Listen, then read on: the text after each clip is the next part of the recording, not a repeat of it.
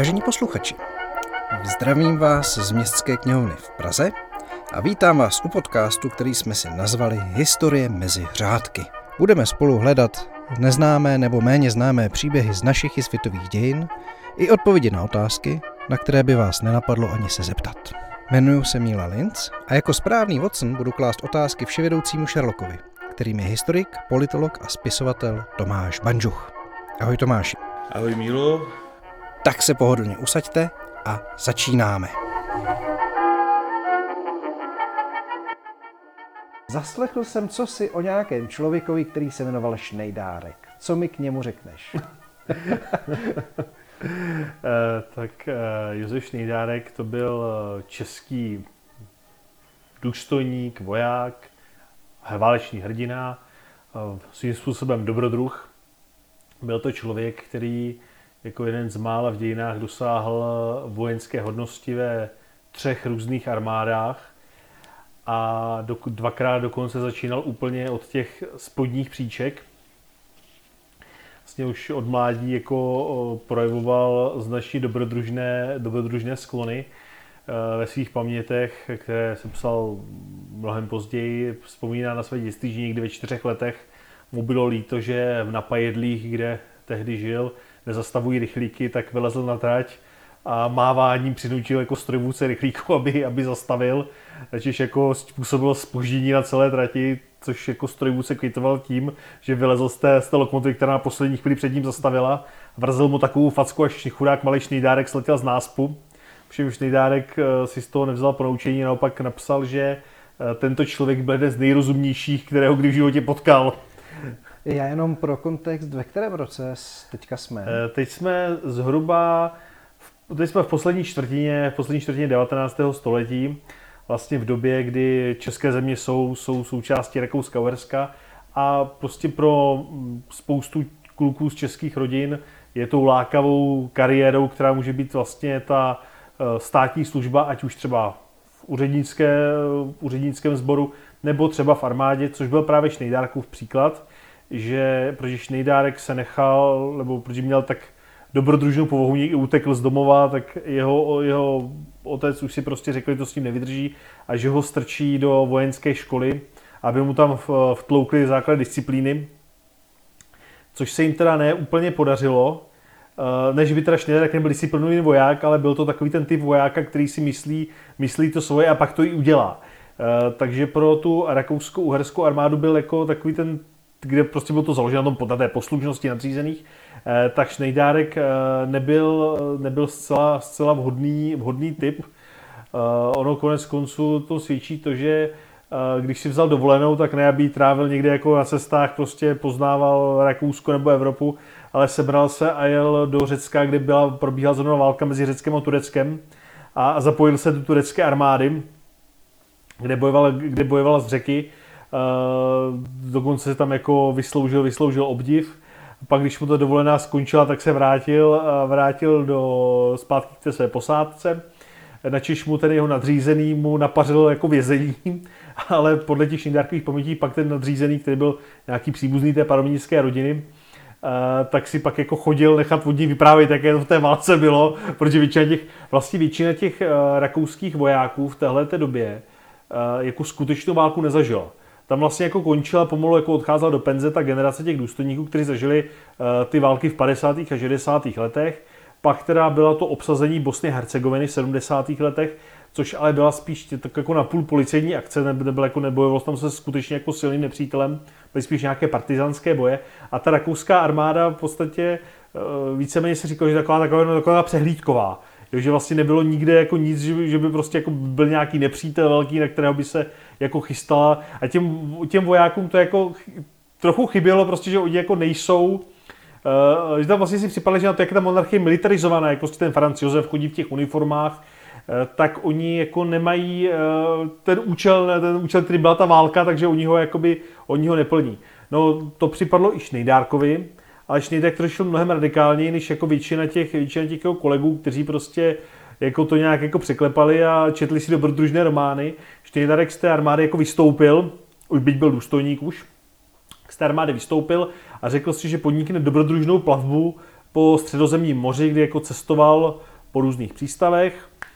A v momentě, kdy mu došly peníze, tak si řekl, že by nebylo špatné zkusit znova vojenskou službu a e, tak jako, protože zrovna si nějak byl jako na francouzské území, tak vstoupil do francouzské cizinecké legie. To asi chtělo trošku odvahu, ne? Chtělo a v dnešní Jarkovi ta odvaha jako to byla, řekněme, na, e, na druhou, protože tady se opět zase, si máme věřit těm jeho pamětem, e, tak v té legii bylo, bylo pravidlo, že pokud tam vstupuje jako důstojník, tak pokud počká, než se jako ta legie dopíše si s tou jeho mateřskou armádou, eh, aby mu tu hodnost uznala, tak pak jako vstoupí v té důstojnické hodnosti do té legie. Ovšem Schneider řekl, že je blbost čekat, tak tam vstoupil jako prostý vojín do té cizinecké legie a nechal se, nechal se odvelet do Afriky a začal, jako, což je jako velice vzácný případ, prostě jako někdo, kdo by bývalý důstojník, jako sleze potom kariérním žebříčku zase úplně dolů a začne si tu kariéru budovat, znova. Jo? A je pravda, že Šnejdár, ale na druhou stranu je pravda, že právě v té Africe se Šnejdárek s tou svou dobrodružnou povahou jako opravdu, opravdu našel. Ta Afrika se mu, i on se k tomu jako vyjadřuje opakovaně, se mu v podstatě stal takovým jako ne druhým domovem, ale jako prvním domovem. Jo, že on tam vlastně tam jako konečně jako našel tu eh, při vyjednávání s těmi brunskými kmeny tam nekonečné, nekonečná tažení toho pouští, eh, ty střety, protože tam se Vlastně musíme si uvědomit, že eh, kromě Alžírska, které bylo už tehdy, dejme tomu 80 let součástí Francie, tak ty francouzské saharské kolonie nebyly jako úplně staré, nebyly tam ty, eh, ty poměry úplně konsolidované. Ku příkladu Maroko vlastně, kde taky část jako Šnejdárek část té služby tak mimo jiné strávil, eh, tak se stalo součástí Francie až jako těsně před první světovou válkou, nebo respektive ono bylo protektorátem francouzským. A takže vlastně Schneider se tam prostě našel s tím, jak francouzi snažili tu severní Afriku pacifikovat. Já můžu zase vrátit tím pamětem, že tam popisuje neskutečné případy, eh, co vlastně jako zažil během těch svých tažení. Například. Uh, Vzpomínej se na nějakou veselou historii. No, tam oni ty, oni, oni, oni, oni, ty veselé oni ty, oni ty historky jako sami o sobě jako veselé nejsou, ale on se tam strašně líbí, jak on tam má takový ten strašně lakonický styl, jo že on třeba popisuje, jak už jako, jako žena, nebo se dokonce v té Africe oženil, si tam vzal jednu jakoby, dceru francouzských rodičů a popisuje, jednou, když byl na nějakém tom tažení, tak se jim do, do domu vloupali dva lupiči. Uh, byli to dva lupiči, arabové. Žena se bála o děti, vzala pušku, oba zastřelila. Mám rád svou ženu. A on tam, jako, on tam popisuje opravdu jako ty, ty různé, jak to třeba jako nominář setkání a výborné, jak tam uh, popisuje, jak uh, teď nevím, jestli to byl on nebo nějaký jeho kolega, tam potřebovali uh, získat nějakou, jako nějakého toho náčelníka nebo nějakého toho B místního. A teď prostě uh, neměli jako nějaké vyznamenání, žádné neměli a jeden z těch důstojníků měl někde eh, jako placku od Alliance France, což je ta francouzská jako taková instituce, která šíří dobré jméno Francie po světě, tak ji tomu Bejovi předal. A když ten Bej se jako ptal, co, co, co to je, jako co je napsáno to Alliance France, tak jako, že France to je Francie, a Alliance to je jako, že to je aliance, spojenectví. Tak ten Bej pak všude chodil a ukazoval, že má oficiálně jako medaili za to, že je spojenec Francie. A takhle právě jako vlastně těch, těch bojích a těch diplomatických jednáních tam vlastně uh, Šnejdárek opět kariérně rostl, až nakonec to skutečně dotáhl zase na toho důstojníka. Byl poslán do francouzských důstojnických škol uh, a v podstatě byl jako respektovaným, respektovaným důstojníkem té cizinecké legie. Tu školu vychodil jako jeden z nejlepších Dokonce zlé jazyky říkají, že byl úplně lepší, ale protože by bylo jako poněkud žinantní, aby nejlepší v ročníku nebyl francouz, tak že mu jako ty jeho, ty jeho učitelé jako schválně jako uškodili u těch zkoušek, takže byl asi, byl asi třetí nakonec z celého ročníku. A takže vlastně v tom, to vypadalo, že vlastně ten Šnejdárek, Šnejdárek v, té, v té Africe zůstane. Prostě byl typický francouzský koloniální důstojník, který prostě si tam, se tam nakonec usadí s tou svojí ženou a s těmi, s těmi svými dětmi. A pak mu do toho vstoupila válka. A pak mu, pak mu do toho vlezla, vlezla první světová válka. A e, první světová válka totiž e, tam docházelo pochopitelně k tomu, že ty mocnosti mobilizovali všechno, co měli. Takže mobilizovali vlastně i své koloniální síly. Takže na té francouzské straně bojovali prostě ty lidé z jejich afrických držav, to samé Britové, kteří tam jako vozili ty, vozili ty Indy. No a právě uh, tam jako mezi těmi lidmi, kteří tam bojovali, na té západní frontě byl i Šnejdárek. A on to popisuje právě, jak tam uh, jednou byl s těmi, těmi, svými, těmi svými bojovníky, prostě byl na nějakých těch pozicích a nejednou vedle sebe slyší češtinu, kterou neslyšel prostě x desítek let. Takže si říká tak jako, že a tam si právě jako Češi stěžovali, že nemají dobrou, dobrý kafe jo, v té francouzské armádě. Tak on teda zavolal ty své Araby, že jo, kteří pochopitelně to kávu uměli jako perfektně, tak nechal tím Čechům navařit a přinesl jim, jako to, přinesl jim to speciálně, to speciálně jako opravdu to, tu nejlepší severoafrickou kávu. Uh, patrně pro doznačnou část těch Čechů, co pak se to účastnili, to byl poslední nápoj v životě, protože tam vlastně to pak ta čes, čes, česká jednotka jako Eh, to byl vlastně do 1915, tam prodělal, prodělal těžké, těžké ztráty. Eh, nicméně, eh, nicméně Schneiderek jako dál sloužil té francouzské armádě, ale když se posunul vlastně jako k těm posledním letům a měsícům války, tak Československo, jako ty československé jednotky, které byly, ten, tak jak říkáme, legie, tak vlastně začaly být respektovaný hráč na tom vojenském poli a uh, francouzská armáda potřebovala nějakého důstojníka, který by, kterého by mohla k těm legím poslat. Jasně, mohli tam poslat francouze, protože uh, že většina těch Čechů nebo dost jich umělo francouzsky, ale lepší tam bylo poslat jako Čecha ve francouzských službách, takže se jako Šnejdárek, uh, tehdy myslím v hodnosti majora, se ocitl vlastně u té, u té, u té československých, československých legí ve Francii, kde plnil vlastně roli takového styčného důstojníka, mezi Francouzi a, a Čechoslováky.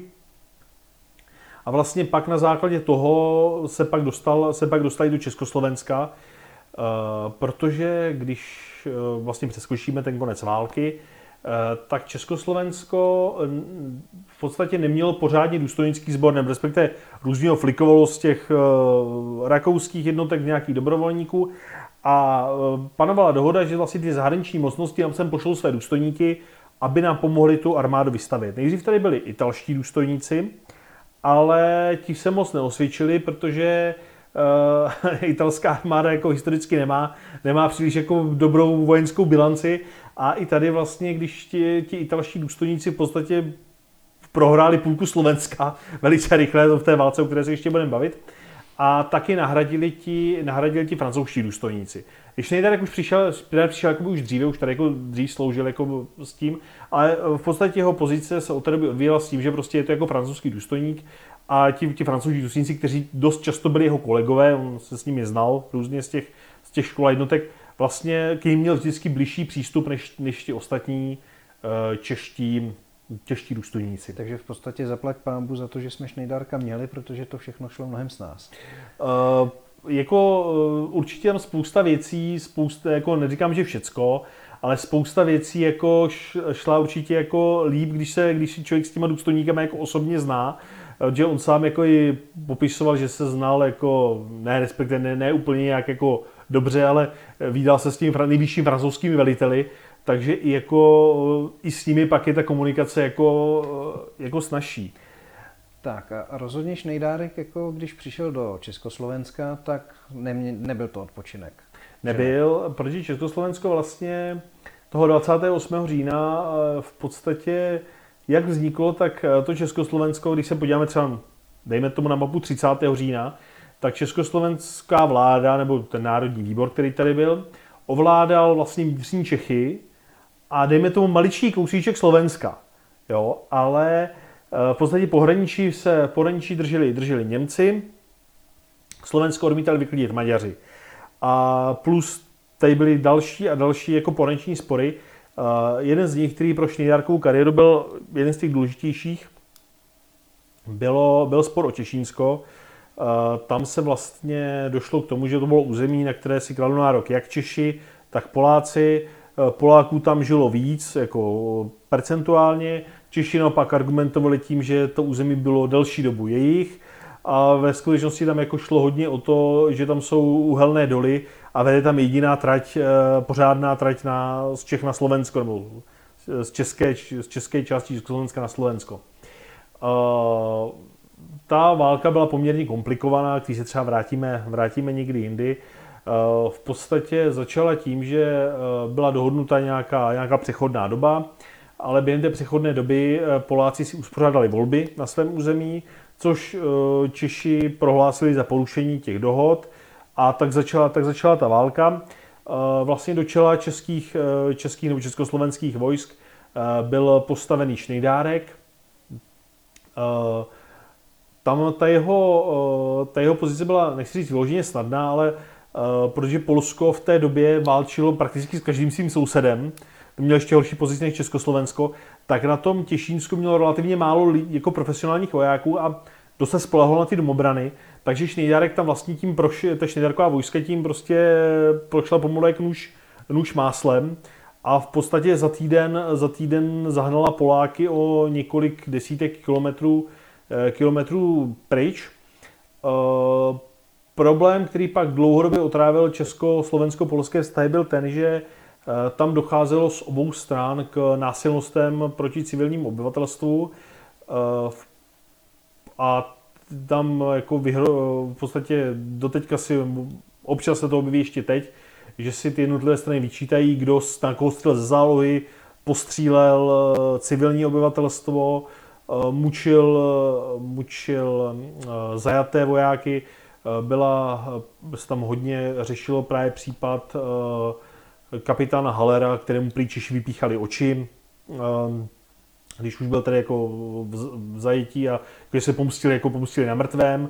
Šnejdárek pak někde jsem běhal jsem si otevřenou rakví, tam vodil lidi, aby viděli, že ty, že ty, že ty oči má. A jako řešili jsme, že prostě Češi někde jako postříleli nějak, postříleli nějaké Poláky, učím zase jako na ty české legionáře, kteří postupovali, tak ti Poláci stříleli ze zálohy. Jo, bylo tam vlastně jako, jako, jako, nebyla to úplně jako taková ta válka, která by byla vyloženě čistá. A Schneiderek měl jako přezdívku, tam jako získal přezdívku, jako že je lidožrout, jo, na to, na to jako vzpomínám, se to, jako to udělal, eh, z toho udělal srandu, ale ten, eh, ta pachuť tam zůstala dokonce, je to, já nevím, 10-15 let zpátky. Na Těšínsku byl styčený Šnidarkův pomník a někdo z, zvandalizoval.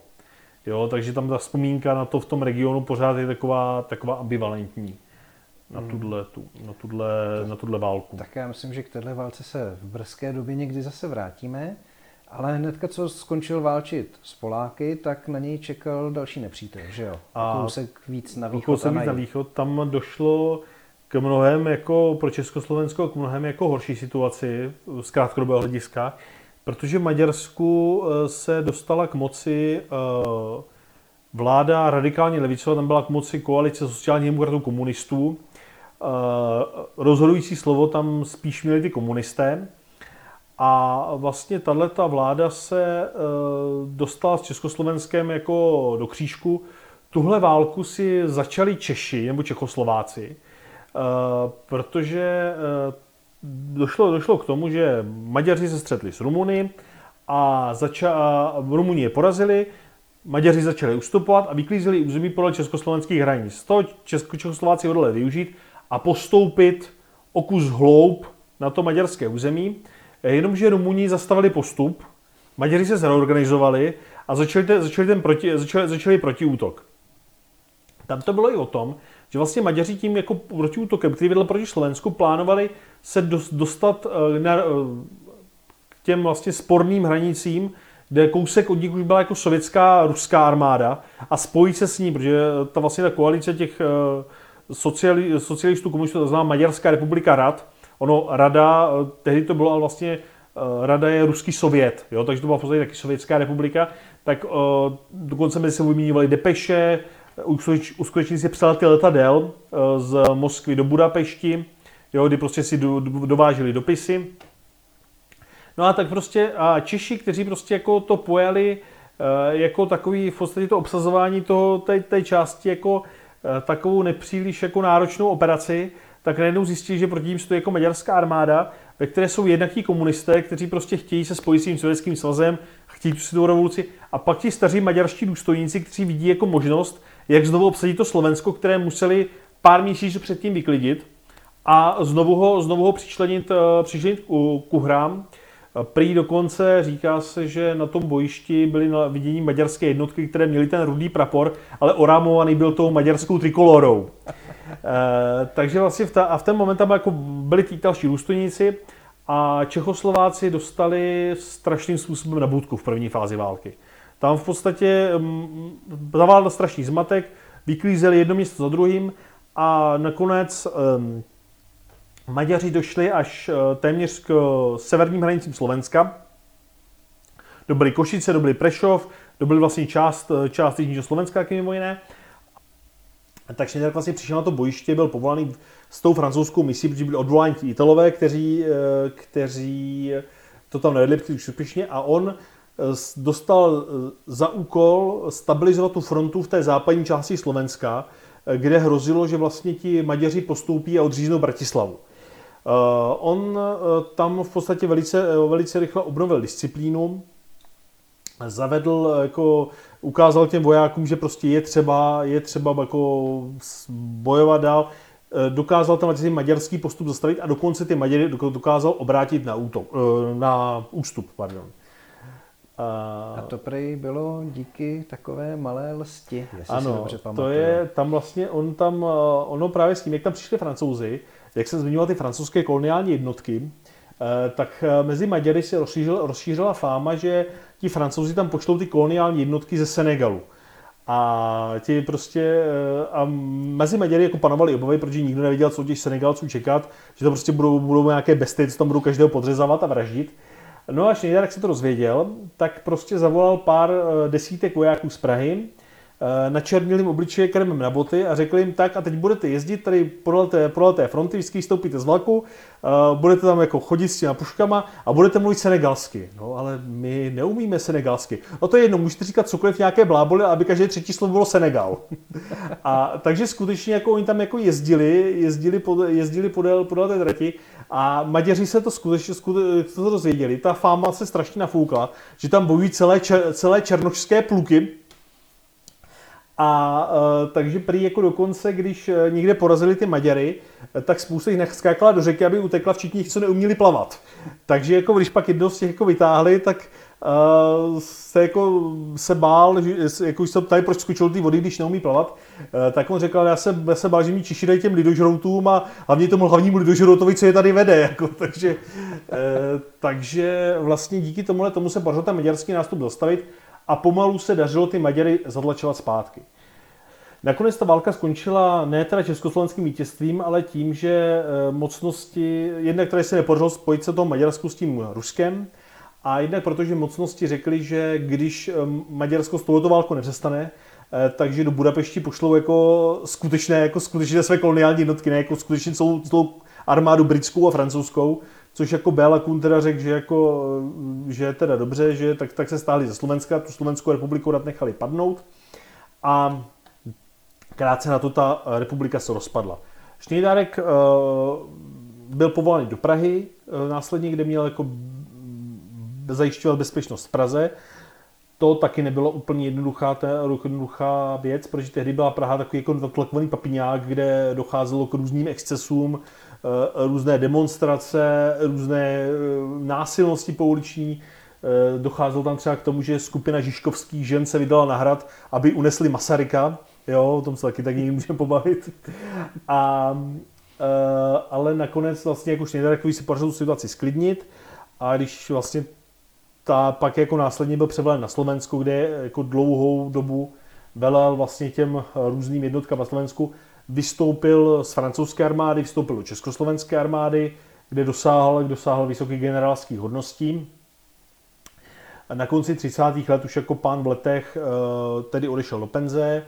Na Slovensku pomáhal budovat domobranu s tím, jak eh, se blížil, blížil ten konec 30. let a všechny ty události, které měly s Československem zamést. Nicméně po Míchovu a po, po obsazení Československa, přestože dostal jako nabídky jisté na to, aby zůstal na tom Slovensku, jako zkušený důstojník, tak se odešel do Francie. Eh, tam se krátce spojil s, s, Benešovou, s Benešovým odbojem, nicméně po pádu Francie, který jako emočně hodně, hodně sebral, protože tu Francie byla, Francie byla životní láska, odešel do severní Afriky, kde strávil posledních pár let svého života a krátce po osvobození Prahy zde v té severní Africe umřel. Jeho ostatky pak až po pádu komunismu mnohem později byly přeneseny zpátky do, zpátky do Československa. Takže vlastně se mu splnil ten kariérní sen, že si pořídí v Africe manželku, postaví si tam dům jo, splodí, splodí, splodí děti a to. A vlastně Schneider byl ještě zajímavý takovým, tím, takovým zvláštním způsobem, že on na to, jaký to byl dobrodruh, tak on eh, nekouřil a nehrál hazardní hry. Že on tam píše, že ho musel jako děti vždycky hodně přemlouvat, aby si s nima zahrál Černýho Petra, že on prostě karty nebral do ruky. Zajímavý. Tak, jako knihovník se zeptám, co bych si mohl přečíst, abych se dozvěděl víc? Eh, tak určitě k tomu eh, Schneidarkovi jsou krásným pramenem i s tím jazykem ty jeho paměti. Eh, vyšlo to pod několika názvy, protože vyšlo, vyšlo, několik, vyšlo několik vydání. Vycházelo to pod názvy Co jsem prožil, anebo Pochoduj nebo zemři, což je heslo francouzské cizinecké legie. Pak k těm, k těm válkám v Těšínsku a v Eh, na Slovensku proti Maďarské republice rád, eh, tak eh, na tom Těšínsku tomu se věnuje třeba knížka, která vyšla na nakladatelství Epocha, Kyselá těšínská jablíčka, tam je to popsaný ten konflikt poměrně, poměrně přesně a přehledně. A podobně na nakladatelství Epocha taky vyšla, vyšla knížka, která se věnuje té, té Maďarské republice rád.